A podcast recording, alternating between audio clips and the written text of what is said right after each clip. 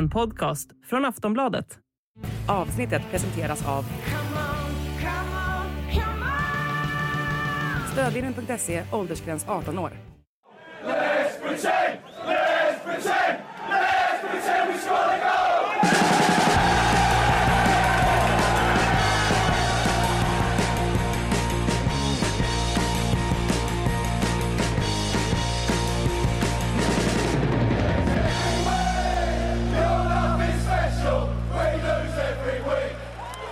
Sportbladets Premier League-podd, det är, ja vad är det, den 9 januari. Eh, FA-cupen har eh, spelat den tredje omgången. Klassiska Eh, vi tredje har en- omgången. Eh, vi har en mitt i veckan-omgång att se tillbaks på, men jag tänkte också vi skulle eh, stämma av lite så här, för även om vi inte är riktigt halvvägs än, eh, en och en halv omgång kvar ungefär, det är några som har spelat 17 matcher, de flesta har väl spelat 18 matcher vid det här laget. Eh, så har vi en omgång kvar då innan vi är helt halvvägs. Men jag tänkte ändå vi skulle stämma av lite grann. Vi har delat upp det i tre stycken delar. Bottenstrid, eh, den där gråa mitten och sen eh, toppstriden då på slutet. Frida, vi börjar allra längst ner tycker jag. Southampton. Eh, I botten av tabellen. Det har inte varit någon kul säsong och det har också varit en säsong där vi hade rätt låga förväntningar, men frågan är ifall de ändå inte har, har underpresterat lite utifrån, även utifrån de förväntningarna. Jo, absolut. Jag tycker ju framförallt att det är väldigt tydligt nu att Nathan Jones, han är uppenbarligen inte redo för ett Premier League-jobb. Jag tycker att han underpresterar med den truppen de har som visserligen inte innehåller så mycket rutin men samtidigt så finns det ju väldigt mycket talang och det såg vi också, eller vi har sett det under ja, men vissa delar av säsongen att ja men Bella Coccia, Lavia, eh, nu eh, Orsic också. Det är ändå spelare där man tänker att de har en, en ljus framtid men tycker att Jones, alltså hans defensiva struktur är katastrofal rent ut sagt. Och eh, det är väldigt uppenbart att spelarna inte har köpt hans sätt att spela fotboll på. Så att jag skulle bli väldigt förvånad om han lyckas, ja men lyckas vända den här trenden, negativa trenden. Eh, Jag tror till och med det kan bli så att Southampton kommer att göra sig av med honom. Eller inom, eh, inom en snar framtid. Och eh, det är ju det, det sista Southampton behöver. Eftersom att det ser ut att bli ganska tuff konkurrens där nere i botten ändå. Man är ju inte helt Verkligen. klar över vilka som kommer att åka Men ut. det är ju, det är ju på något sätt en typ av spelare du anst- eller tränare du anställer inför en säsong som en klubb som Southampton. Det är inte en tränare du anställer i ett krisläge. Och det, nu, nu vann de i och för sig mot Crystal Palace här i kuppen och det känns väl lite som att de, den segern hade man väl nästan velat se att de tog i ligan istället sett i situationen de sitter i just nu istället för att få ännu en runda FA-cup att hantera. Men, eh, nej det, Jag tror helt, jag tror helt inte att han är, jag tror inte att han är speciellt bra. du tror att det är där det han har ligger gjort rakt det bra. Han har, han har gjort det bra i Luton men sen så gick han en, en runda till Stoke var det väl. Eh, misslyckades där, gick tillbaka till Luton. Som sagt, han har gjort ett fint arbete där men jag tror helt enkelt att Nathan Jones inte är en så pass bra tränare som det har getts sken om. Nej. Eh, nej, det är en helt annan sak när man ställs mot de här, eh, mot de här lagen som man gör i Premier League. Det, det, det ställs liksom andra krav på förberedelser än vad det gör när man tränar ett lag som Luton. Det, det är bara så. Och, eh, har man inte det så, så kommer man bli synad. Eh, men det finns andra lag där nere i, i botten som, eh, som har liknande problem kan vi verkligen säga. Ett lag som inte borde ligga där nere, eh, men som definitivt gör det är Everton. Vi får väl se hur länge Frank Lampard, eh, många frågetecken om huruvida han är byxad för ett Premier League-jobb efter den här sessionen med Everton. De ligger just nu då på nedflyttningsplats på 18 plats, 15 poäng och en extremt negativ trend. En poäng bara på de senaste, vad är det, sex omgångarna. Ja, och särskilt nu när man liksom tittar på Wolves och ser vad Lopetegui har gjort med dem. Eh, inte minst här i mötet med, med Liverpool. Alltså Wolves är ju helt plötsligt mycket mer välorganiserade än vad man var under Lars just i det här 4-4-2 systemet. Jag tycker att Lopetegui har hittat en bra, ett bra partnerskap där i Nunes och, och Neves. Eh, som fungerar väldigt bra. Man får ut maximalt av Nunes kvaliteter. Så att jag kan inte riktigt se att Wolves åker ur den här säsongen. Vilket gör då att, ja, Everton ligger ju riset på det just av den anledningen att de är så himla ojämna. De har ingen direkt bänk, ingenting att slänga in. Så att det blir väl intressant att se vad de gör här under januarifönstret. Om de får in Anthony Elanga eller någon annan spelare. För att någonting måste på något sätt hända. Det måste komma in en, en äh, men, någon sorts injektion. Jag såg här att äh, Deli Ali eventuellt skulle tvingas eh, åka tillbaka till Everton.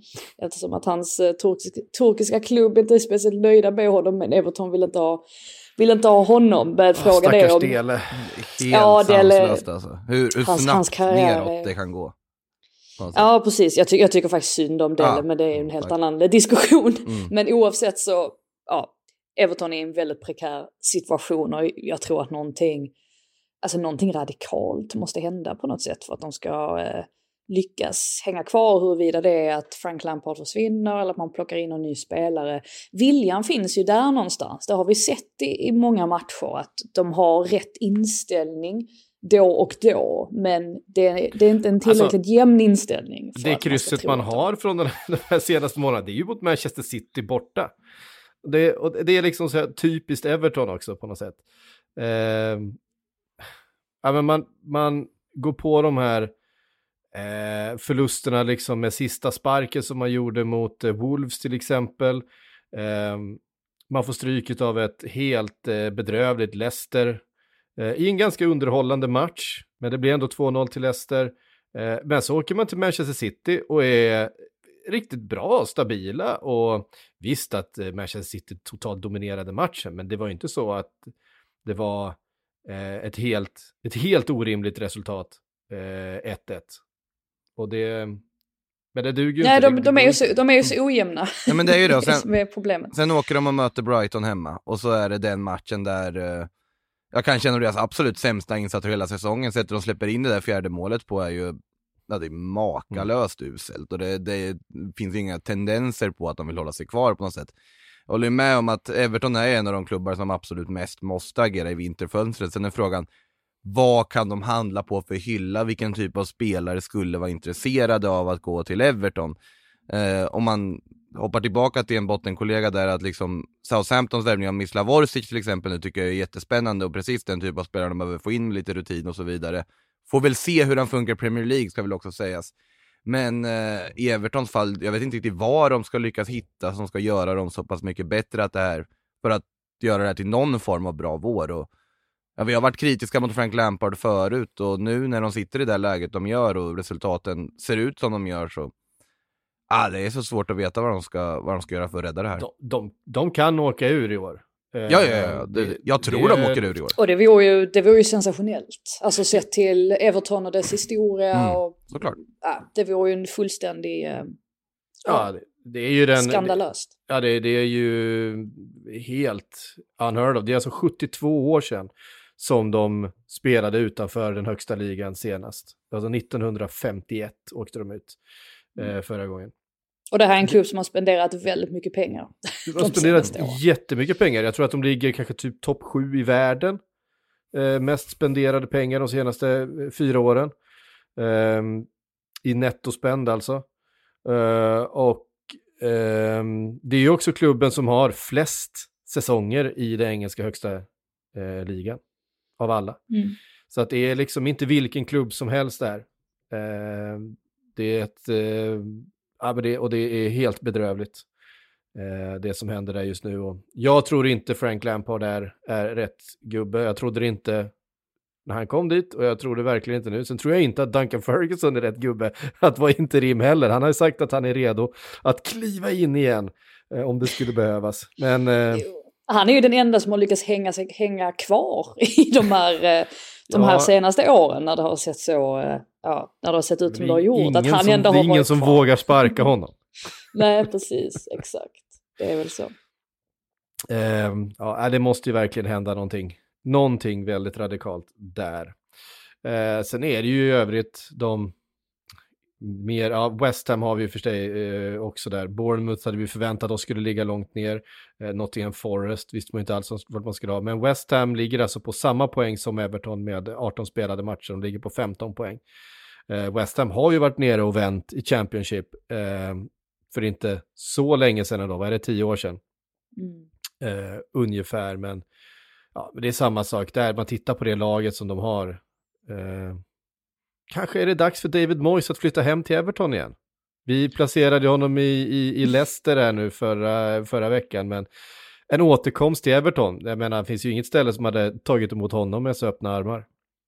Nu tror jag väl möjligtvis att den här segern mot Brentford eh, kan möjligtvis ja, men ge lite självförtroende, stärka deras självförtroende i alla fall. Ovanpå den här insatsen då mot Leeds där man ändå får med sig en poäng och Moyes, han gjorde ju bara fyra ändringar om jag inte är helt snett på det just i FA-cupen kontra ligan då och det indikerar ju också att det här är ett lag som desperat måste hitta formen.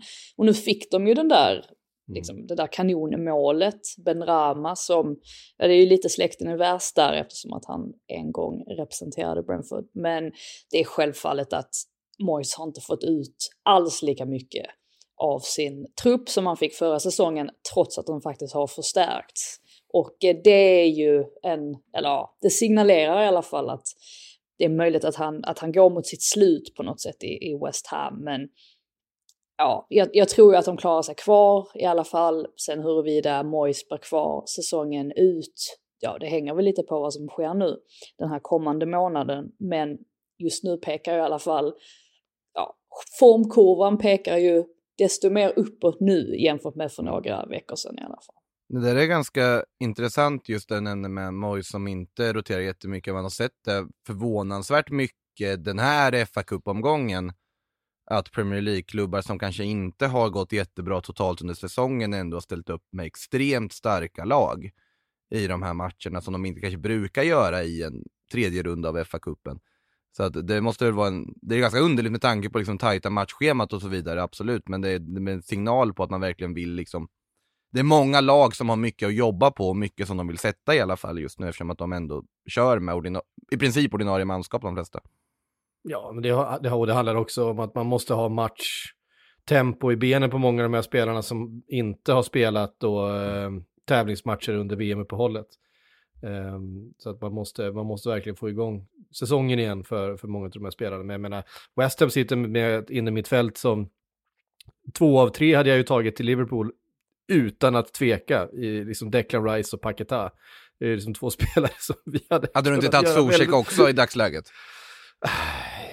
Nej, det hade jag faktiskt inte. Okay. Eh, hade inte tagit Zuzek i dagsläget. Men de andra två, Nej, utan tvekan. Det är samma med Sufal som man satt och hyllade jättemycket för. Ja, men det ja. var väl i, i och för sig två säsonger sedan. Eh, han har ju inte heller sett ut som ja, han en gång gjorde.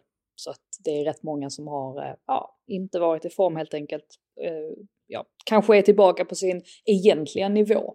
Eh, de har kanske överpresterat tidigare. Ja.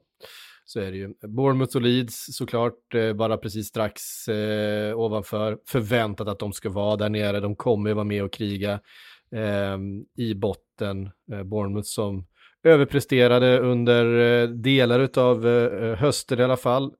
jag tror att de kommer få det kämpet i ett av de där lagen som kommer verkligen få se upp för Wolves och, Evert Wolves och West Ham som kommer med lite fart nu då, nerifrån tror jag. Nottingham Forest värvade 200 spelare i somras, eh, har väl börjat få ihop någon slags lag av det här till slut. Men de ska ju värva eh, fler. Det är klart de ska.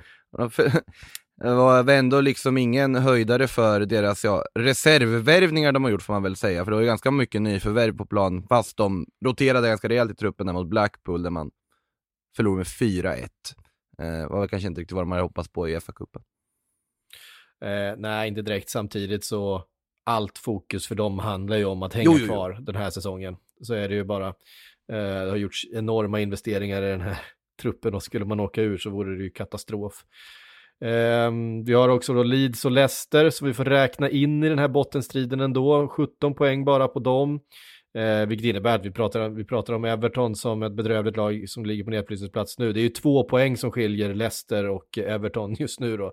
Det är alltså 13 och den 20 platsen i ligan så att det är ett, det är ett enormt stort getingbo som vi har nere i botten.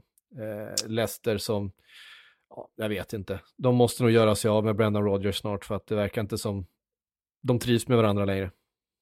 Nej, det är ju någonting som, som skaver där helt klart. I, i, de lyckades i alla fall vinna här ju i, i FA-cupen. Eh, mm. Leeds kom ju undan med blotta förskräckelsen där när de drog in 2-2 mot Cardiff. Var det var på en tilläggsminut i alla fall, så de var ju på väg att, att åka ur där de också. Men det är ju helt klart två klubbar som återigen det här med att man inte hittar någon riktig jämnhet. Um, ja, Eh, Eh, det, det går upp eller det ser ganska positivt ut ena veckan och sen så nästkommande vecka så ser det inte alls bra ut. Och Leicester är väl egentligen, även om de ligger före i tabellen, så är ju de, de nästan ännu mer extremare. Men det är väl också för att de trots allt har de här kvalitetsspelarna i truppen. Men det känns ju definitivt som att harmonin är inte riktigt där just nu. Alltså det känns som Leicester Leeds båda de är väl ganska lugna över en fortsättning. Framförallt Leicester tror jag att de kommer att se till att ändå ha någon form av avstånd till botten. Eh, vi får se om man får käka upp det här sen längre fram i vår, men det finns för mycket kvalitet där.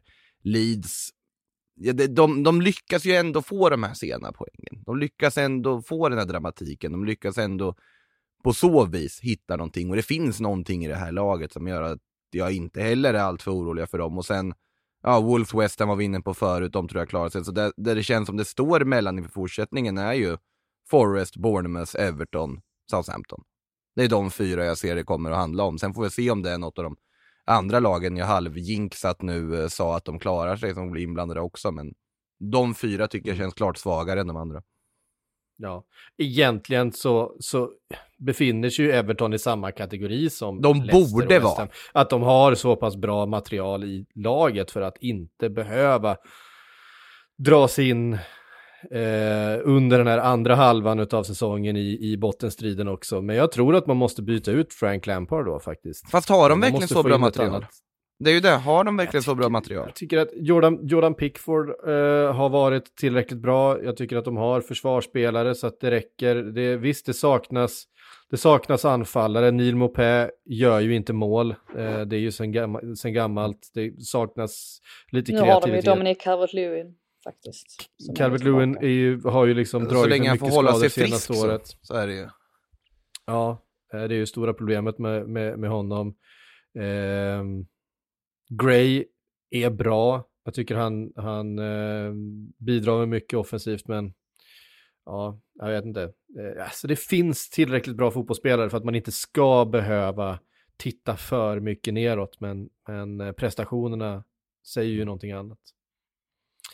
Eh, om vi flyttar oss från bottenstriden då upp till den här gråa massan eh, på mitten. Där har vi räknat in då från plats 12, Crystal Palace eh, på 22 poäng upp till Liverpool på sjätte plats just nu då på 28 poäng.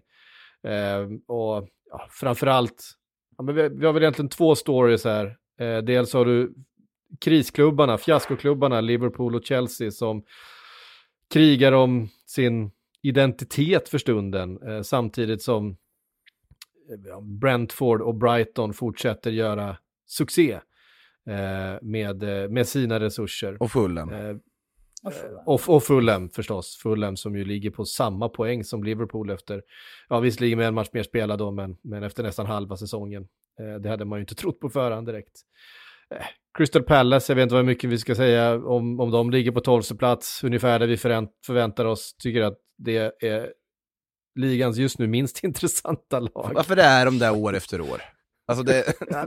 det, det, är the curse of Palace. Nu, nu spelar de i och för sig ganska trevlig fotboll, till skillnad från vad jag tyckte de kanske gjorde innan. Och det kan faktiskt ja, I alla fall under Roy Hodgson spelar de ju riktigt tråkig fotboll. Jo, det är det jag menar, men nu med Vera så tycker jag väl ändå att de har, de, det finns någonting liksom ungdomligt intressant med dem, men samtidigt så på pappret så är det ju exakt lika intetsägande som det var under Hodgson i alla fall, alltså resultatmässigt. Mm. Vi kan nog gå rakt på Aston Villa istället. Ja, ja vi går rakt stod, för den, eh, stod för den största floppen den här helgen får man ju ja, säga. Ja, verkligen. Ja. Vilket, vilket fiasko mot uh, Stevenage. Yes. Av, alla lag, ja. Eh, ah, det, var, det, det är riktigt bedrövligt. Och Robin Olsen, vad gör han? Alltså, Ja, han har inte stärkt sina aktier i alla fall. Så Det kan man inte säga. Han fyllde ju år. igår, 33. Grattis på födelsedagen. Men det var en, en eh, alltså det skottet får ju bara inte gå in liksom. Nej, först måste man ju bara så att folk förstår hur stort det här är att Stevenage ligger ju tvåa i League 2 just nu så att det är 59 placeringar mellan de här klubbarna vilket gör att det är ju, det ska ju inte få gå egentligen, men det gjorde det ju. Eh, Stevenage tycker de var väldigt välorganiserade utan bollen och de hade en plan när de väl fick den också. Sen är det ju, ja men det är Olsen som eh, spelar ut den där va, till Den Donker som står och dräller och sen läm- Mm. lämnades Campbell helt ensam vid en hörna och överlistade Olsen så att det, allting gick ju emot Villa på något sätt. Men eh, ja, Olsen var inte speciellt bra. Augustinsson var inte speciellt bra heller innan han till och med då klev ut skadad så att det var ingen bra svensk dag på så vis för Villa och inte för Unai Emery heller. Han ska ju vara en cupspecialist. Ja, just och det, det ska han ju. Ja.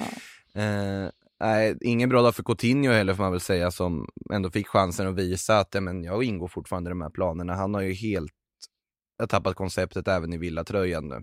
Det är väldigt, väldigt tråkigt att se med en sån spelare, man vet vilken, vilken kvalitet han ändå besitter i grunden, men i Villa under Emery så kommer det inte bli någonting av Felipe Coutinho i alla fall, det är ju känslan.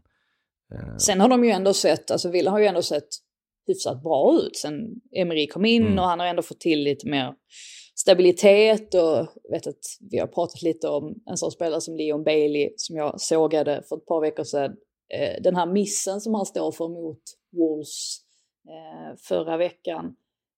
Alltså hans, hans känslor, hans känslor precis efter den missen. Det var ju en, en rätt så grov miss, men den var inte så grov tycker jag som hans kroppsspråk ville göra gällande. Men han var ju verkligen helt förkrossad och det visar väl också lite att Villa har spelare i den där truppen som inte riktigt har kommit upp i nivå så att eh, Emery har ju ändå en, en, en del att jobba på fortfarande. Men överlag så tycker jag ändå att han har kommit in och på något sätt fått, fått lite ordning på det i alla fall. Jag vet inte om det bara var jag, men jag hade ju helt glömt att Morgan Sanson tillhörde Aston Villa. Ja, det, det var, det var faktiskt glömt. Jag hade glömt att Ludvig Augustinsson var där också. Nej men han ser man ju ändå sitta Ja, där på bänken ibland, det har man ju ändå koll på, men alltså Morgan Sanson, nej, just det, de värvade ju honom också, hade man helt förträngt. Han fick göra mål i alla fall, inte för att de hade så mycket att fira efter matchen ändå, men Nej, precis. Nej, det är ett, eh, men det är ändå ett villa som vi har investerat enormt mycket pengar och där finns ju riktigt, riktigt bra spelare eh, såklart. Och, eh, även om reservmålvakten inte höll måttet igår så finns ju eh, Emi Martinez tillbaks där och vi förväntar väl oss eh, att det är han som kommer spela resten av matcherna den här säsongen. Eh, noterar faktiskt. ni Harry Maguire-ryktet i helgen? Ja, det är Eh, intressant. nej, jag vet, men ändå. men var det han som satt där i, i Birmingham också, eller var det också helt påhittat? Nej, det har jag inte sett någonting om, men de slog ju ner det där ryktet helt i alla fall. Så Mm. att jag förutsätter att det inte kommer att ske eller att han inte kommer att flytta på sig. Nej. Eh, Aston Villa som sagt, vi förväntar väl oss ändå att eh, resultaten kommer gå eh, uppåt under Unai Emery jämfört med vad de gjorde under Steven Gerrard. Eh, strax ovanför dem då, Chelsea som eh, bytt tränare en gång den här säsongen. Eh, Graham Potter har kommit in och inte fått fart på det här laget. Jag vet inte vad det är som Eh, vad det är som inte funkar i Chelsea, men det, det, jag vet, de, de, de lider av samma virus som Liverpool just nu. Det är någonting som bara inte stämmer i laget. Ja, det är mycket, mycket ångest kring eh, Chelsea just nu och det hänger ju givetvis ihop med att de har så himla många skador. Tio skador, eh, tio spelare på skadelistan. Vilket Just. gjorde också att ja, men mötet med Man City, det gick ju som det gick, men tyckte ändå att man lämnade det mötet med en känsla av att det finns ändå någonting där. Alltså Chelsea visade ändå någon form av vilja i den matchen och hade ju faktiskt kunnat få med sig en poäng. Hade ju den, det bästa läget i första halvleken när City underpresterade men sen så satt ju City på den här väldigt breda bänken så att Guardiola spelade ju i stort sett tre olika lag i den matchen och fick med sig segern till slut då med gamla goda samarbetet mellan Grealish och, och Mares där. Men däremot i, i helgen, det var väl också sämsta tänkbara timing att möta Man City två gånger på en vecka. Just när mm. man kommer dit med en skadeskjuten trupp till Etihad Stadium och det såg fullständigt bedrövligt ut. Framförallt är det väl att ja, men mittfältet var helt yrt. Och det går inte riktigt mot City för att då släpper du ytor. Det räcker att en spelare är, är ur position, då tvingas en, en annan av mittfältarna kliva in och täcka upp för den spelaren vilket gör att då släpper man stora ytor åt City som man absolut inte får släppa. Eh, som vid Citys finaste mål, det var väl 3-0 målet om jag inte är helt snett på det. När Kyle Walker får ta en löpning som är jättebra men sen samtidigt man ska man ska inte tillåta honom att få så mycket ytor och få göra den löpningen från första början. Men det visar ju också att Chelsea verkligen, ja, de, de är verkligen på, på, på dekis på något sätt. Eller att det, det känns helt eh, eh, känns helt utslaget. Och just det här att supporterna på läktaren, de, de tillresta supporterna då, att de sjunger om Thomas Tuchel och Roman Abramovic. Det visar ju också att de inte är nöjda med varken Todd Bowley eller Potter. Och det jag reagerade på med Potter var på presskonferensen inför FA-cupmötet då, när man märkte att han verkligen brann till. Och det är inte ofta man, man hör Graham Potter brinna till. Jag har hört spelare berätta att han kan bli riktigt förbannad. Eh, det är inte så att han, att han är sådär hundraprocentigt lugn hela tiden. Men det var första gången jag sett det så tydligt på en presskonferens att han verkligen högg på en, på en journalist. Eh, och det har ju, det grundar sig på något sätt också i att det finns en sorts, eh, en sorts tro om att eh, alla Chelseas, alltså om man tränar Chelsea så ska man vara en väldigt stor personlighet, man ska ta mycket plats, man ska vara lite så här eh, lite quirky som, ja men Tuchel var ju på sitt vis och, och ja men sen så har vi ju haft sådana som Ancelotti som, som är som han är och Mourinho och, och Potter är ju, han är ju sin egen, han är ju inte den där killen som tar jättemycket plats vanligtvis och han, han, han går inte han går inte på speciellt hårt mot journalister eller så, men den här gången så, så gjorde han det och jag tycker att det indikerar att han är väldigt pressad just nu. Men med det sagt så, alltså Bowley kan ju inte på något sätt göra sig av med honom när han har suttit och snackat om det här med, med långsiktigt projekt och Bowley kanske har lite i bakhuvudet också att Mikael Arteta, det var inte så länge sedan som han var jättekritiserad och ifrågasatt. Men då gäller det på något sätt att Bowley går ut nu och backar Potter tycker jag. Alltså jag tycker han ska göra det helt öppet att nej men jag har, jag har, gett, jag har förtroende för Potter för att det var ju faktiskt det som Arsenals ledning gjorde med Arteta. Alltså de, de vek ju inte ned sig för vad supportrar tyckte eller vad experter tyckte. Men eh, helt klart eh, så kan man ju inte säga att Chelsea kommer lyckas med särskilt mycket den här säsongen. Det, det blir nog en mellansäsong för dem. Problemet är väl också på något sätt att man inte ser Todd Bowley ha den kylan och långsiktigheten i tänket utifrån hur han har agerat hittills som eh, Chelsea-ägare. Det har ju varit utifrån har det varit nästan ut på underhållande att följa liksom alla turer i transferfönstret. Men som Chelsea-supporter så måste det vara en ren mardröm när man inte riktigt vet vad som överhuvudtaget kan hända. Ena dagen ska de så försöker de liksom värva Enzo Fernandes för extrema pengar, andra dagen så vet de värvar de någon helt annan spelare och så är det Pott. Eh, måste ju ändå säga som Potters utbrott, han lyckas ju ändå göra det oerhört respektfullt och gentlemannamässigt på att han ändå lägger till det här med att man måste ju ändå hålla sig lugn när man representerar en sån här fin och anrik klubb och så vidare. Eh, så jag tycker han ändå skötte utbrottet på ett väldigt snyggt sätt. Eh, men samtidigt absolut, man märkte hur extremt pressad den är. Man kan ju förstå honom, man har aldrig suttit i den här sitsen förut med den pressen och de så mycket ögon, så mycket kritiska frågor. Och sen samtidigt, vi var inne på det när han tog över, det är inte en tacksam sits han har fått när han får Thomas Tuchels material en vecka efter att fönstret stängde. Så att det är ju inte en, alls ett lätt läge och det här är en mellansäsong på alla sätt och vis. Frågan är hur mycket mellan den blir om man kan hitta någon form av positiv tendens under våren och bygga vidare på och så vidare. Men såklart att de inte ska sparka Potter. De ska ju sitta kvar och ge honom förtroendet och köra på den väg du har valt. grunden var att de gjorde fel och sparkade Tuchel från första början. Men nu har de valt den här vägen med Potter och då är det ju bara att hålla i den för att den här säsongen kommer inte gå att rädda oavsett. Nej, alltså det, det, det absolut sämsta de hade kunnat göra nu det är att eh, göra en Chelsea och bara sparka mm. tränaren liksom vid första, eh, första motgång. Men sen, man ska komma ihåg att Chelsea har haft ett ganska tufft spelschema senaste matcherna om man tittar på eh, vad de har mött även strax före eh, landslagsuppehållet. Eh, nu har man mött Manchester City två gånger. Eh, man har ändå eh, besegrat Bournemouth, vilket man ska, men sen har man mött eh, Newcastle strax före VM-uppehållet. Man, eh, man hade Arsenal strax före det, så att det har varit ganska tuffa matcher. Ehm, jag skulle säga att det är den där krysset mot Nottingham Forest som eh, kanske svider mest. Förlusten mot Aston Villa, absolut. Um, men uh, lättare, ja, alltså det... lättare spelschema kommer framöver här och då, då kommer det säkert uh, uh, se lite annorlunda ut i resultat. Inte minst ska man ju möta Liverpool på bortaplan och det är ju givna tre poäng.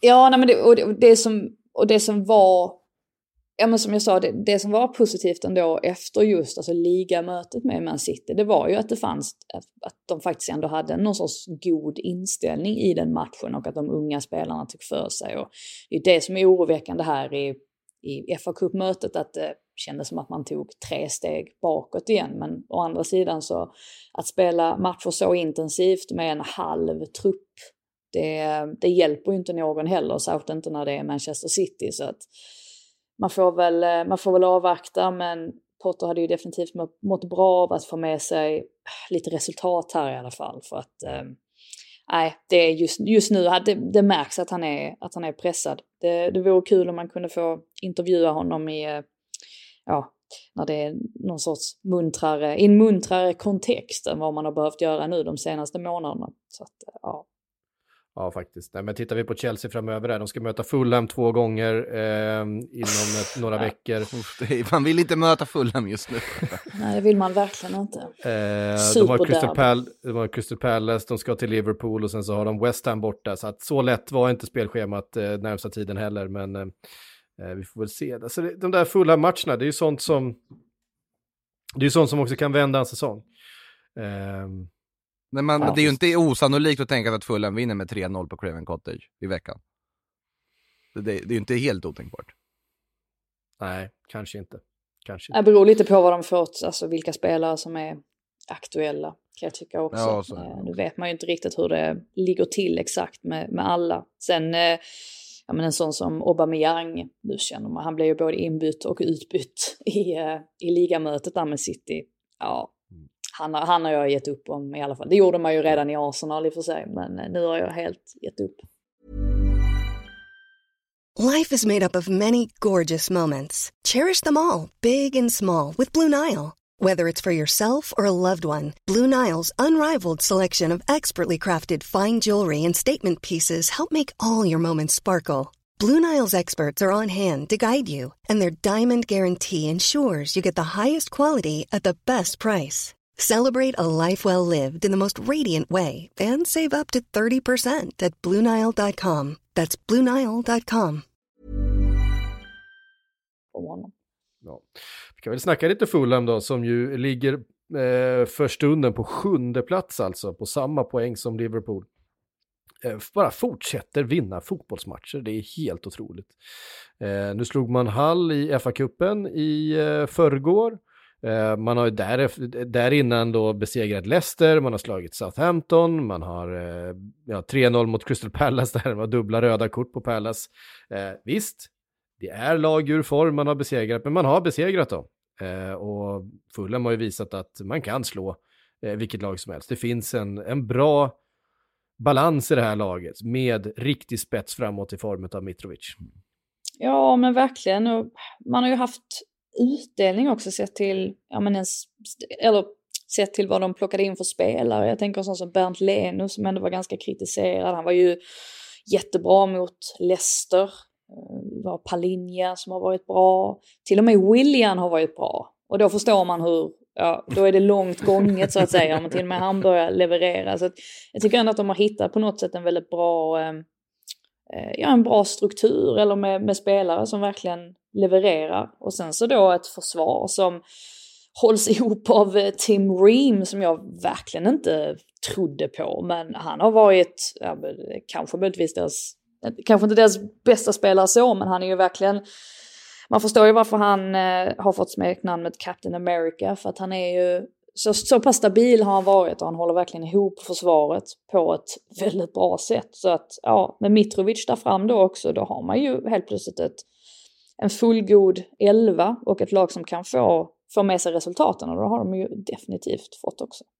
Det är fascinerande med Tim Ream med tanke på att senast han var uppe så var han väl snarare ett liksom rundningsmärke som behövde behövde liksom svängradie för att kunna vända när han ska liksom springa tillbaka. Nu har han helt annat med, helt annan pondus han har haft där bak och det är ju det är otroligt imponerande och varit jätteviktigt såklart. Uh, på tal om så här, spelare man glömde tillhörde en klubb, Laivin Kusava som bara dök upp från ingenstans här nu i kuppen också, tillhör Fulham. Eh, där har man ju sparkapital också på vänsterbacken om inte annat, som gjorde ju ett av målen här när man slog, slog Hall också. Men eh, Fulham, eh, Ja, alltså det är ju bara att lyfta på att det är Marco Silva, det har vi ju sagt förut i den här podden och det är väl läge att säga det igen. Ja, nej, 100 procent. Eh, ett annat succélag får vi verkligen säga, även om vi har börjat vänja oss vid det nu under de senaste säsongerna, det är ju Brighton som eh, ligger precis där bakom på 27 poäng just nu och en match mindre spelad, så att eh, vinner man sin hängmatch då så går man faktiskt förbi fullen. Um, och man gör det en säsong då man då tappar hela ledarstaben mitt när det går som allra mm. bäst, får en dipp efter det. De får ju ingen new manager bounce direkt, han förlorar väl sina tre första matcher, De Serbi. Mm. Eh, men har nu hittat sitt lag med det här materialet, sitt Brighton, eh, och ser nu precis lika giftig ut som man gjorde eh, före Potter lämnade, tycker jag.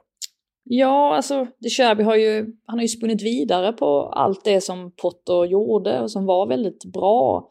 Och alltså det som är skillnaden då, alltså dels tycker jag att det är väldigt bra rekryterat av Tony Bloom då bland annat, mm. eller hela Brightons Igen. ledning, att man, ja precis, att man plockar in en tränare då som passar perfekt in i ens DNA eller hur man vill jobba och som uppenbarligen var ett väldigt enkelt sätt för de nuvarande spelarna att anpassa sig efter att Potter hade lämnat.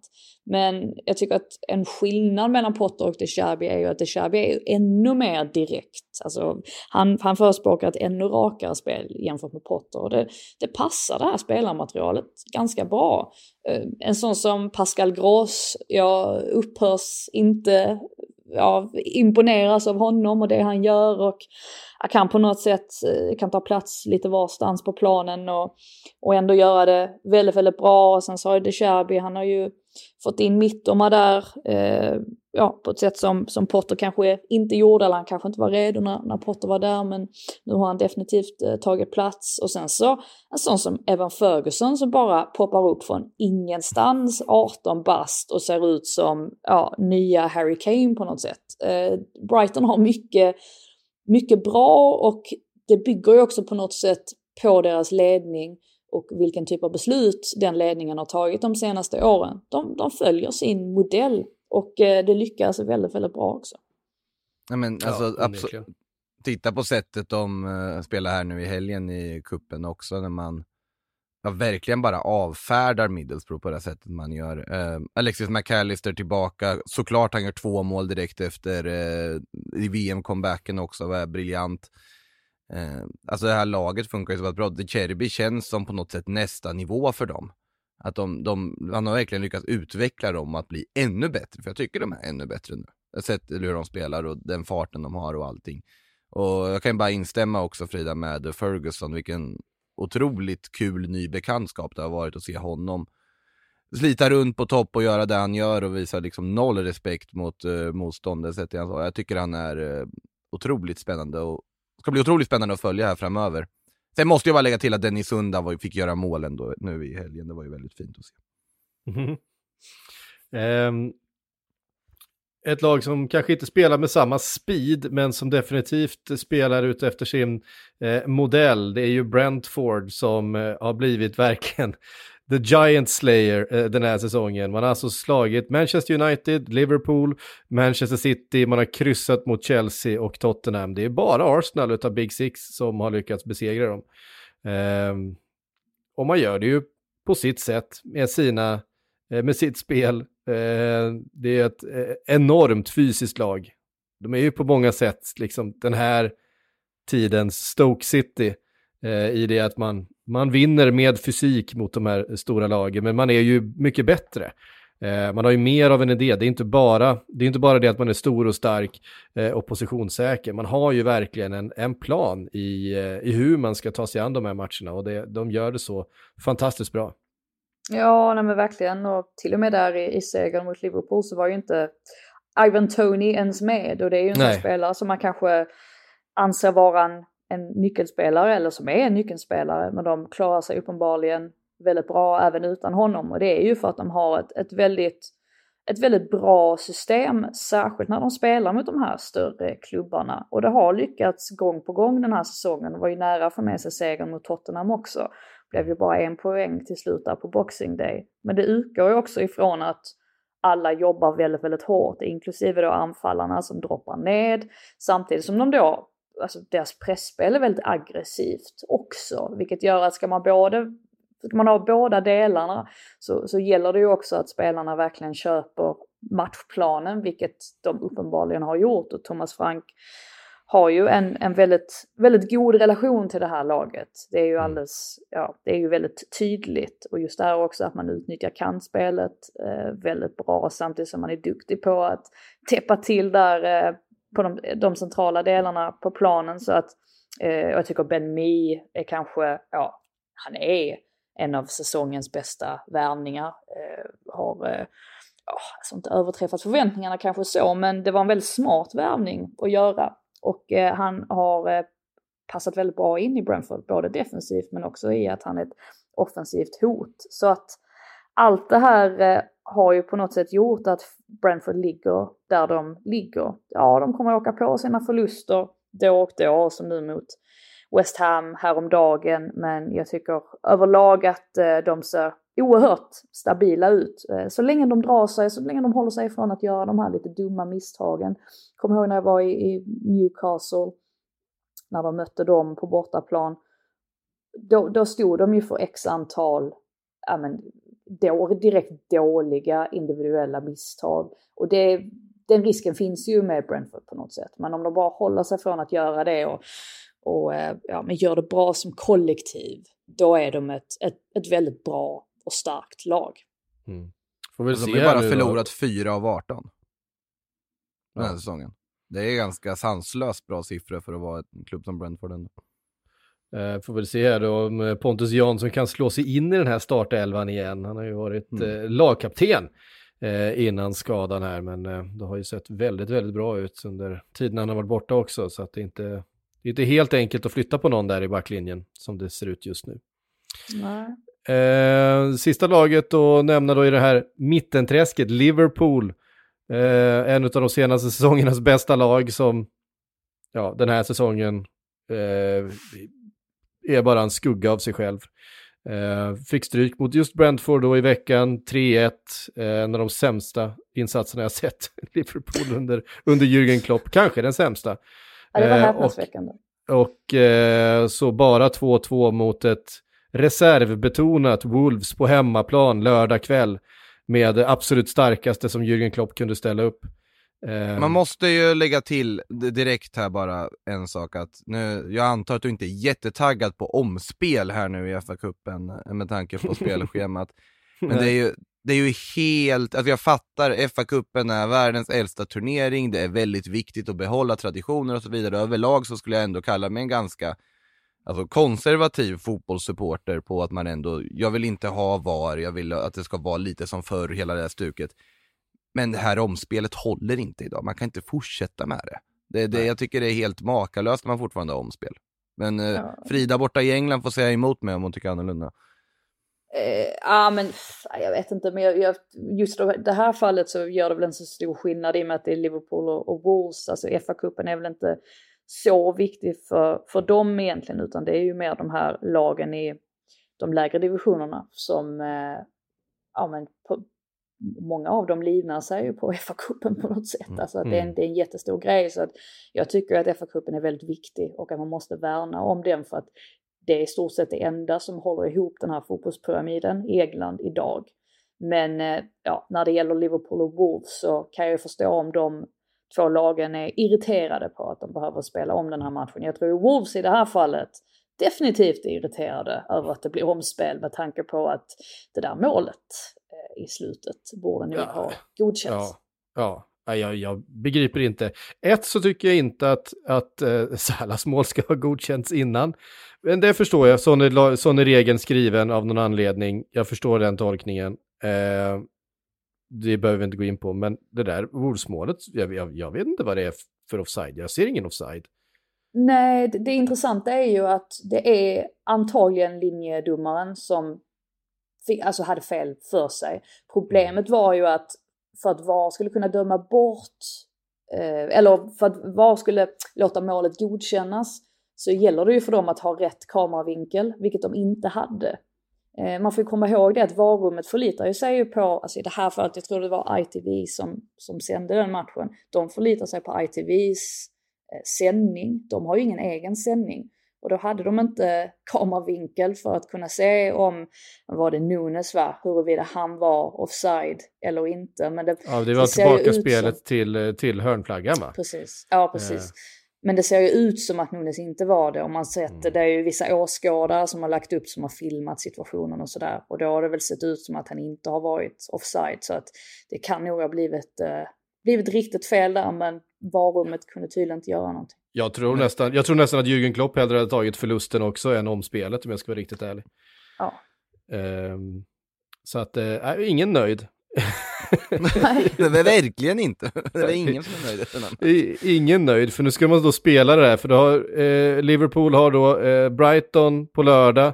Sen på tisdag ska man möta Wolves i omspelet då. Och sen Chelsea lördagen efter det. Det blir kanon. Men är det, är det eh. B-laget i omspelet? Ja, det måste det bli. Jag tror det. För det här var ju inte B-laget. Nej, nej, det här, och det, det är det, det som är det, det, det, det, värsta med det här är att eh, Liverpool ställde ju alltså upp med det absolut bästa laget man har. Eh, debut för Connor Cody. Eh, Connor Cody, Connor Gakpo, Cody Gakpo, för fan. Eh, herregud. Eh, min hjärna funkar inte ibland. Eh, för Cody Gakpo som, ja det är väl en två plus debut, jag tycker inte att, eh, visst han, han eh, kombinerade lite med Andy Robertson, eh, men eh, ja, det, det, kommer nog dröja innan. Jag är inte helt, jag tycker juryn är lite ute än på den här eh, värvningen. Jag är inte helt övertygad. Ehm, alltså, jag, jag, det är väl svårt att döma honom efter liksom en debut i FA-cupen här på 80 minuter också. Det, det, tar nog lite tid att komma in såklart och det var inte, mm. var inte som att någon annan steppade så. upp i hans uh, istället heller i den här matchen direkt. Ja, Darwin uh, Nunez gjorde mål i och för sig. Uh, Darwin Nunez gjorde mål, väldigt fint framspelad av mm. uh, Trent Alexander-Arnold som ju egentligen är den enda formstarka spelaren vi har med tanke på att Allison skänkte bort ett par bollar i den här matchen. han har ju annars varit den, den, den stabila punkten i det här laget den här säsongen. Men... Ja, alltså jag, jag tycker på något sätt att alla Liverpools problem härstammar på något sätt från mittfältet och särskilt ja. hö högersidan. Mm. Eh, Henderson är inte... Han är också på tal om det här med Chelsea och att deras mittfältare låg ur position ibland mot Man City eller att det räckte att en gjorde det. Jag tycker att det har varit ett konstant problem för Liverpool också. Och särskilt då Jordan Henderson som inte riktigt, eh, eller oftast, eller rätt ofta inte hamnar rätt. Och samma sak när Harvey Elliot spelar, det blir inte heller riktigt rätt balans. Så att, ja, det är ju samma problem som vi har pratat om under hela säsongen men det blir så oerhört tydligt att om inte den lagdelen fungerar då, då fungerar ingenting annat heller. Alltså, Liverpool har ju ett fint anfall. Eh, Liverpool bör ha bra försvarare egentligen. Men ja, så länge inte den balansen finns då, då går det på något sätt som, som det går. Ja. Ja, vi får se ifall, ifall Jürgen Klopp lyckas få ordning på det. Nu, nu, någon värvning till mittfältet lär det väl inte bli under januari om man ska tro uppgifterna som har kommit, utan det är det här manskapet som ska försöka lösa det och då, eh, då måste man spela bättre. Jag menar, Brighton borta på, på lördag, det blir ingen lätt match. Eh, och sen är det Chelsea, riktigt krismöte eh, veckan efter det. Ja, vi får se. Vi tar oss vidare då från eh, mittenträsket upp till toppstriden. Eh, där det är egentligen, det är väl den tredjedel vi har kvar här som det är störst skillnad i eh, rent poängmässigt, för det skiljer ju faktiskt 11 poäng eh, mellan Spurs på femte plats upp till Arsenal på första plats. Och då är det ett Arsenal med en match mindre spelad, det kan ju faktiskt skilja 14 poäng eh, när den hängmatchen är spelad. Um, om vi börjar med, eh, med Spurs då som började säsongen otroligt fint, eh, smugits in en hel del frågetecken med tidens gång här i, eh, för Conte och hans eh, manskap, Frida. Ja, alltså de började säsongen bra rent poängmässigt, men de här spelmässiga problemen såg man ju ändå på något sätt. Och sen så har de blivit mer påtagliga efter skadorna på Richarlison och Kulusevski. När man har båda de två borta så har det ju på något sätt saknats någonting. Det har inte funnits tillräckligt med kreativitet, särskilt när Kulusevski har varit borta eftersom att man mår bra av att ha en spelare som är lite, lite, lite mer gåpåig så som han är, kan skapa lite mer på, på egen hand. Det blir väldigt mycket stiltje annars i, i Tottenham och det är ju det de har problem med rätt så mycket och inklusive då att, ja, men det centrala mittfältet, man har sett här med Bissoman, en värvning som kanske inte har fallit jätteväl ut just för att han inte har rätt egenskaper så tillvida, så sett till vad, vad Tottenham har för andra typer av centrala mittfältare, eh, några andra värvningar som inte heller har, eh, ja, heller har gjort succé sådär, så att det är ju det är ju rätt så mycket som har gått emot Tottenham på det sättet. Och just det här att de börjar matcher, eller tenderar att börja matcher lite långsamt och sen så kommer de in i det andra halvlek. Det, det räcker ju inte alltid för att få med sig tre poängarna, vilket har visat sig nu på sistone att det faktiskt har straffat sig.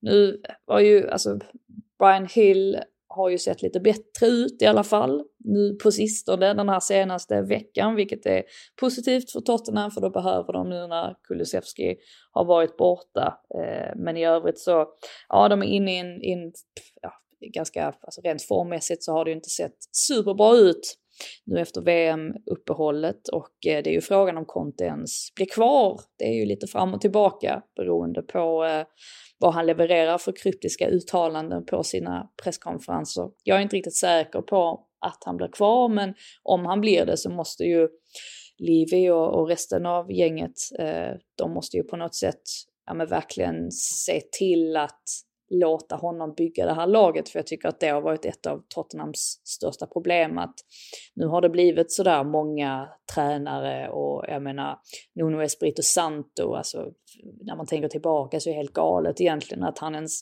anställdes från första början eftersom att de inte fick in någon annan och sen så sparkas efter så pass kort tid.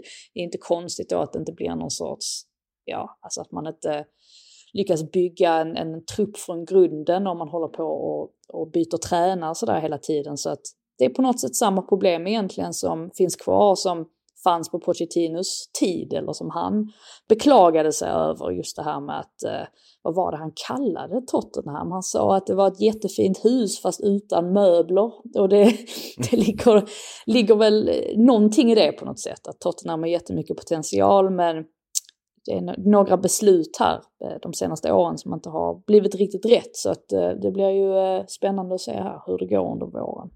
Alltså det är ju väldigt så här säsongsdefinierande alltså styrkeprov som kommer nu när man har derbyt mot Arsenal, du har City gånger två i ligan eh, inom kort period. Ja, svåra Fulham borta däremellan. Eh, de har ju inte vunnit de här toppmatcherna den här säsongen i alla fall hittills. Så det är ju ofta mot topplagen så har de haft det svårt om man tittar på vad de har gjort under säsongen. Så att det, det blir på något sätt, om de skulle få med sig ganska bra resultat från de här matcherna, ja då är de ju i högsta grad med i den här topp 4-striden. Men säg att de skulle förlora dubbla mot City och förlora mot Arsenal, vilket inte är helt otänkbart, då är de ju ganska, till och med kanske avhängda, beroende på vad de andra lagen gör. Ja, eh, intressanta uppgifter rörande eh, Tottenham ja. just nu. Eh, ska enligt eh, Sky Sports då ha skett ett möte mellan eh, PSGs katariska ägare och Daniel Levy eh, angående ett eventuellt övertagande. Eh, Qatar är på jakt efter eh, en klubb i Premier League. Och, men både då... Liverpool och United är ju till salu. Men det är väl ja, att de vill vara i London då? Jag antar, att, jag antar att de vill vara i London. Eh, ja. det, det, Eh, man ser väl också en, en stor förtjänst i den stora arenan som man redan har byggt. Så är det ju Det var ju ett stort, en stor investering som gjordes och en, en byggnad med otroligt högt värde i en stad som London. Det var inte, ja, vi ser ju hur Chelsea har, har, har mm. krigat för att göra någonting med sin arena och misslyckats under det här året. Alltså, det är inte så att Abramovic har haft ont om pengar och att det var därför han inte har byggt om Stamford Bridge eller byggt en ny arena åt Chelsea. Det är ju för att det är så otroligt svårt. Det är faktiskt, det, det, det svider faktiskt nästan lite det här med att The Emirates inte är så där värst gammal. Men så tittar man på Tottenham Stadium då som är liksom helt makalös och tänker att mm. ja, Arsenal hade, hade också kunnat, hade man lagt ja, men skjutit till lite mer pengar så hade man kunnat få den arenan istället. Uh, ja, den, den är verkligen uh, förmodligen den uh, mest spek spektakulära arenan jag någonsin har varit på i alla fall. Tottenham mm. Stadium. och där ska man då möta Arsenal nästa helg. Mm. vi kan väl gå direkt till Arsenal då som ligger i toppen. Ehm, nu när de ska mötas och allt ärkerivalerna, Arsenal som ju är den här säsongens stora succé såklart. Eh, man leder ligan med, med marginal, alltså med distans ner till Manchester City på andra platsen. Eh, och det är ju något helt häpnadsväckande som Arteta har fått till med det här laget. För jag, jag tycker även om de har ett bra lag så överpresterar de ju eh, ganska rejält. De har inte på pappret ett bättre lag än Manchester City till exempel. Eh, nej, så är det ju. De har ju... Jag tycker väl att den största skillnaden är på något sätt att det spelar ingen roll nu för tiden om Arsenal hamnar i, i underläge. Jag vet att tidigare säsonger så har man ju pekat mycket på det här, ja men att Arsenal kollapsar mentalt och så. Vi har inte mm. sett det den här säsongen utan de har ändå på något sätt, de har fått med sig eh, poängen till och med när de inte har sett speciellt bra ut och de har lyckats vända underläge till seger eh, och ja, och när de har gjort det så har det sett ganska, ganska bekvämt ut till och med. Så jag, jag tycker att det är många sådana grejer som gör att, att man känner att det här verkligen är ett nytt Arsenal. Och det är ju de här nyckelspelarna man har fått in. Och jag tror inte man ska underskatta det här att man har fått in vinnare i truppen. För att ta en sån som Sinchenko som är jättevan vid att vinna titlar med Manchester City och Gabriel Jesus som också är jättevan vid att vinna saker. Jag, även om det kan låta lite klyschigt så jag tror att det är jätteviktigt att få in den typen av spelare som är, som är vana vid att vara i den sitsen. Eh, Antonio Conte pratade ju också om det på någon presskonferens, att eh, det är väldigt svårt att ta ett lag som aldrig har vunnit någonting riktigt eller som inte har vunnit någonting stort på väldigt länge och plötsligt göra det till en till ett vinnarlag. Och även om, ja, det är klart att, att eh, det är många olika parametrar som spelar in för huruvida man, man vinner en ligatitel, men jag tror inte att det är helt det är inte helt taget ur luften den där, det där ändå. Jag tycker att det, det visar Arsenal också.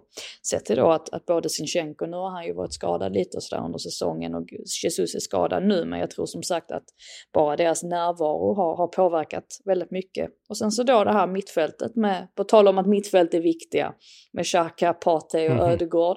Har man också hittat en, en perfekt, perfekt balans just det här att Xhaka också har fått fått eh, ja, men komma fram lite mer och, och, ehm, och bidra i offensiven på ett sätt som, ja, men som vi inte har sett honom göra på, på väldigt länge. Så att på något sätt har man hittat en, den perfekta kombon där, inklusive då de här ynglingarna längst fram med Martinelli och Saka som håller i jättehög klass. Så det är mycket som stämmer för Arsenal nu. Eh, snöpligt där att man inte fick med sig alla tre poängen mot Newcastle, men jag tror att så länge man kan hålla sig ifrån att få en massa skador så, så kan de nog orka hela vägen, eh, i alla fall utmana Manchester City ordentligt som, eh, som nog behöver, eh, ja, de kan inte hålla på och tappa poäng och sådär som de har gjort till viss del under säsongen för att ta titeln. Um, ja, vi uh, får säga någonting om uh, lagen däremellan då såklart också. Manchester City, ah, lite under par på något sätt den här säsongen. Inte, ingen katastrof såklart, man ligger tvåa i ligan, man är fem poäng bakom Arsenal. Eh, har ju såklart alla möjligheter i världen, det är som, som vi har varit inne på, mer än halva säsongen kvar. Mm. Att, eh, att vinna även den här gången också, men förutom eh, Erling Haalands monumentala succé då såklart under den här, eh, den här säsongen så har det väl varit lite, eh, jag vet inte, lite halvt sådär, eller? Men det brukar ju räcka. Det Det brukar, ju räcka. räcka. Det De här ju brukar ju räcka. titeln. Ja men alltså att man, man tapp- tappar här poängen här och var brukar ju räcka för dem. De brukar inte ha ett lag som springer, i, springer iväg på det sättet som Arsenal har gjort. Och det säger också en del om, om hur otroligt bra Arsenal faktiskt har varit här. Men såklart, City är absolut med i striden fortfarande, men de har inte råd att tappa poäng mot Everton på det sättet de gjorde senast till exempel. Eh, de, de måste hitta det här att vara det här nästan tråkiga City att följa igen, det vill säga det City som gör tre mål på 20 minuter och sen bara trallar runt, ungefär som de gjorde mot Chelsea i kuppen då. Eh, för de har ju kvaliteten att kunna göra det, men det har inte riktigt varit på plats. Sen vet jag inte om det faktiskt är så att med Haaland som kommit in som har varit så extremt bra som han varit, om det nästan blivit lite ändå att laget i sig ändå börjar titta lite mot, mot Håland i sådana situationer. Nu, absolut, de har, de har 12 vinster på 17 och har fortfarande gjort en jättebra säsong. Men ja, det är inte säkert att det räcker till titel titeln med tanke på vad Arsenal sysslar med samtidigt. Sen, sen tror jag absolut att det hade förvånat mig och det grövsta om inte City skulle sluta topp två i alla fall. Det kan vi ju säga. Nu ser man väl också lite grann att ja, men Guardiola har ju han har ju faktiskt gjort väldigt, väldigt få byten den här säsongen och har Mm. gett väldigt mycket förtroende till Grealish och Mahrez. Men det blev ju också tydligt på något sätt varför just i ligamötet med Chelsea. Det här med att han, han testar någonting helt nytt i, i första halvlek och sen så i andra halvlek så så eh, vrider han lite på det mer till hur de brukar spela och sen till slut så kastar han in Grealish och Mahrez och då kommer målet. Jag vet att det är många som har varit frustrerade på Grealish och tycker att han, ja visst han har ju han har ju wasted några chanser framför mål och sådär men jag tror att hans kvaliteter uppskattas väldigt mycket av Pep. Just det här att Grealish kan ju han kan hålla i bollen, han kan, han kan göra så att City kan kontrollera spelet precis så som Guardiola vill att de ska kontrollera det. Och eh, ja, börjar han bara liksom slipa lite på, eller ställa in siktet lite bättre, då, eh, då tror jag nog att eh, Guardiola kommer vara hundraprocentigt nöjd med honom och att det på något sätt är den startelvan som eh, Man City främst kommer att spela med den här säsongen just med Grealish och, och Mares på, på varsin kant. Men ja, vi vet ju om att eh, de, kan, de kan bli sårade. Det, de är inte helt omöjliga att plocka poäng mot. Men det här Grealish-narrativet känns som att det är otroligt påverkat av just att han är Premier Leagues dyraste värvning genom tiderna. För om man inte hade haft den prislappen på sig så hade man ju snarare sett det han faktiskt tillför på planen. För jag håller helt med dig Frida, jag tycker inte överhuvudtaget att han faktiskt har varit en sån. Om vi då bortser från prislappen så har han inte varit någon flopp i City. Jag tycker tror att, alltså- ja. Ja, jag tror att det är hans, eh, hans personlighet också det här med att han, han är ju väldigt skicklig på att få med sig frisparkar och, och sådär. Vilket och är en styrka. Det är något det är, positivt. det, det, är absolut en, det, det är absolut en styrka när han spelar för England. Men jag tror att håller man på motståndarlaget så, så river man till slut sitt hår över en sån typ av spelare. Så jag tror inte att det hjälper honom heller. Men eh, Mm. han, eh, ja, han är ju helt klart liksom en av, en av favoritspelarna när han spelar för, för landslaget. Och som sagt, han, han är en helt annan spelartyp jämfört med Phil Foden. Men jag tror inte att Fodens framtid är att, att spela som ytter. Jag tror att han kommer spela mer centralt, särskilt när De Bruyne blir lite äldre också. Så att, eh, ja, de har en fantastisk trupp i alla fall. Det har vi konstaterat en miljard gånger, men det är ju det, är ju det som, som utmärker dem jämfört med övriga konkurrenter. Eh, vi sa att eh, Arsenal var den stora, stora eh, överraskningen och, och eh, framtidsstoryn den här säsongen. Den andra är ju Newcastle såklart, eh, som eh, överpresterar ännu mer sett till material än vad Arsenal gjort så här långt. För eh, visst att det finns ett jättebra lag där, men att man ska vara med så här långt in i säsongen och utmana om de högsta platserna. Och eh, sett till hur eh, till exempel Liverpool och Chelsea ser ut just nu, eh, Spurs med sina problem. Det, jag ser ingen som helst anledning till varför Newcastle inte skulle eh, klara en topp 4-placering i år. Manchester United tror jag kommer passera dem, för jag tycker att de ser väldigt, väldigt fina ut just nu.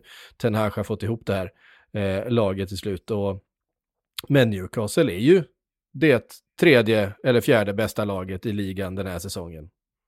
Ja, alltså det man såg här i helgen nu när de förlorade mot Sheffield Wednesday, vilket ju inte var sådär jättebra. Eh, det De var ju att... att bli av med den turneringen också och koncentrera sig på att ta den där fjärdeplatsen.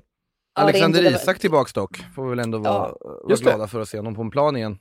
Ja, Det är ju inte det, är inte det värsta som, som kunde ske att man förlorade den matchen, men samtidigt så Mm. visar det ju också på något sätt att de har inte en, en jättebred trupp, även om Isak nu spelade från, från start och, och så. Så, så ja, alltså, han kan inte, Howe kan inte byta ut halva det laget och att de fortfarande håller en så pass hög nivå.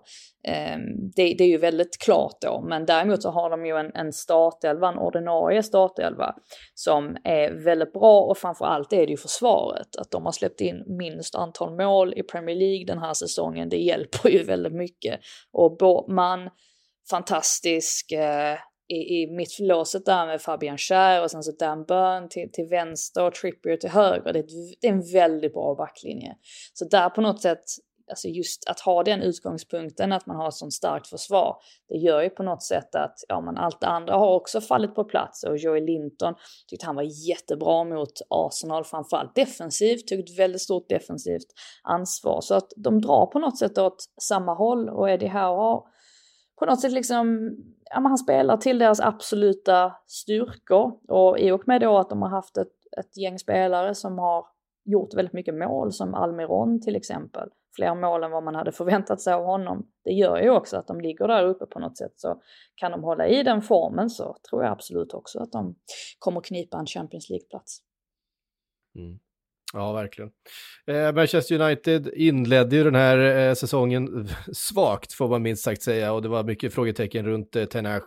Sen har de ju verkligen fått ordning på det och fick en fråga här eh, till det här avsnittet och eh, den var inte lång, men eh, Hugo undrar, Rashford hetast just nu? ja, möjligtvis. Han ser, han ser lycklig ut i alla fall. Han ser, Mm. Eh, han ser ut att tycka det är roligt med fotboll och eh, det blir ju nästan lite så här kul i efterhand det här med att han försov sig i, i mötet med, ja men det var väl Wolves, eller vem var det han mötte eh, när han försov sig? Var det Wolves eller Ja, var det var väl Wolves? Eller var det Nottingham Forest? Ja, det var ju Nej, det Wolves-matchen var Wolves, det var Wolves, just det. Ja. när de, när de vann med 1-0. Ja, men just det här med att, att liksom en sån grej kan ske och han kan till och med ja, men, skratta bort det eller skoja bort det. Att det liksom kommer inte påverka hans form, alltså hans nuvarande form på något sätt. Jag tycker verkligen att det syns att han mår bra igen och Manchester United mår bra av det för att till och med innan VM när de ändå började få med sig resultaten som mot Tottenham och sådär. Jag tyckte inte att den där fronttrion såg riktigt bra ut utan det hängde mer på att de hade Christian Eriksen som ja, gjorde några riktigt bra matcher där och sen så Fernandes som ju alltid är, han är, han är nästan alltid bra Eh, jag vet att han också frustrerar en del supportrar och så, men jag tycker att han, han håller en, en väldigt, väldigt hög nivå när han spelar. Så ihop med det, liksom Eriksen, Casemiro och, och nu att Rashford börjar se så fin ut så ja, men de, har, eh, de har någonting bra på gång och jag tror att Ten Hag, han har börjat få det lite mer så som han vill ha det. Så att det visar väl också att även om han hade sin horribla period där inledningsvis på säsongen så lönar det sig på något sätt att även ha förtroende för tränaren och ge honom tid på något sätt. Och ha, det verkar ju ha lyckats här i alla fall. Kan ni tänka er att det faktiskt skulle börja fungera som på, på löpande band när de fick en av världens bästa defensiva mittfältare som nu är liksom varm i United-kläderna, börjar ta för sig, i form, eh, går omkring och dominerar mittfältet match efter match. Det, det är sanslöst det var den där defensiva mittfältaren som vi tjatade om som de faktiskt behövde. Det, ska, alltså jag, det är sällan man har varit så spänd inför ett Manchester-derby senaste åren som det som kommer på lördag, för jag det blir väldigt kul att se vad det här United med den formen och det flowet de har kan göra mot det här City faktiskt. Och då ska vi ju minnas att förra Manchester derbyt var ju katastrofalt från Det Uniteds det. sida. Det var ju direkt, det var ju direkt pinsamt. Det var ju där när, ja, jag tänkte säga de tillresa supportrarna, de hade inte åkt särskilt långt om de inte ja, kommer från andra platser i, i landet. Men ja, de lämnade ju till och med i förtid för att det var så bedrövligt. Men eh, jag tror väl också att det, det är lite annat nu, eller jag räknar i alla fall med att man kommer se en helt annan inställning från deras sida. Jaha, där hade vi det. Nu tror jag inte att vi har glömt någon va? Eh, Eh, nej. Nej, vi fick med hela, hela tabellen i eh, ja, ett ganska långt avsnitt blev det till slut.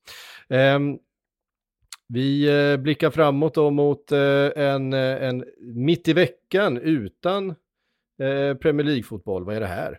Ska vi behöva vänta hela vägen till nästa helg? Ja, ja. Då är det faktiskt spansk supercup mitt i veckan. Det ladda är spansk supercup mitt i veckan, ja. Eh, dessutom. Ja, men det, jag tror att det är några av de här, efter en intensiv rivstart då på återstarten utav, utav ligan som eh, eh, får slicka lite sår eller eh, massera några ljumskar och komma tillbaka då om en vecka igen. Och det, vi gör detsamma härifrån för Sportbladets Premier League-podd tillbaka om en vecka igen och vi hörs då.